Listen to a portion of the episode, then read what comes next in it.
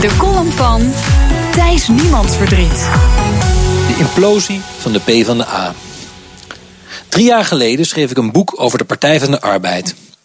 Als ik het teruglees, valt me op hoe optimistisch ik toen nog was over de kansen van deze partij. De P van de A, zo schreef ik, vindt altijd weer op tijd het leiderschap en de energie om de zo vaak voorspelde ondergang af te wenden. Dat had ik vandaag niet meer durven opschrijven. Ik vrees namelijk dat we nu echt zitten te kijken naar de implosie van de PvdA. Tenzij er de komende dagen een godswonder gebeurt, komt Lodewijk Asscher op 15 maart uit op een zetel of 12 à 13. Zelfs een PvdA-fractie van 9 of 8 zetels is niet langer ondenkbaar. De 23 zetels van Ad Melkert uit 2002 zouden nu worden gevierd als een monsterzegen. Je ziet het aan wat er misgaat in de campagne.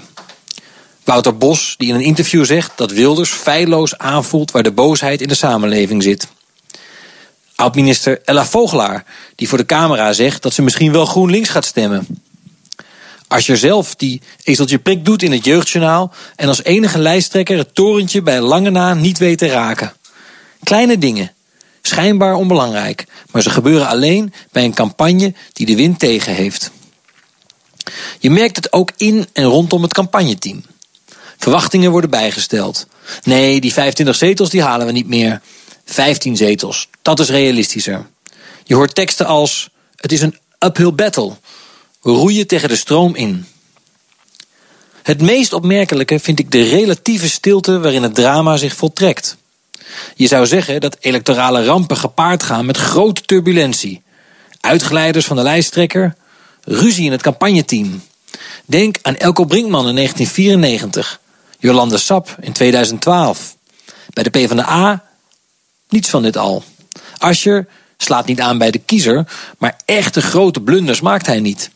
Het campagneteam heeft de gouden formule duidelijk niet gevonden, maar gaat niet rollenbollend over straat. Wat dat betreft lijkt de PvdA van 2017 op het CDA van 2012. Wat Ascher ook doet of zegt, niets lijkt te lukken. Ze willen maar niet luisteren. Van journalisten krijgt hij alleen maar vragen over de peilingen en waarom die maar niet omhoog gaan. Ascher slaat zich er doorheen, stoïcijns, beleefd en geduldig. Zo voltrekt het drama zich zonder slaande deuren.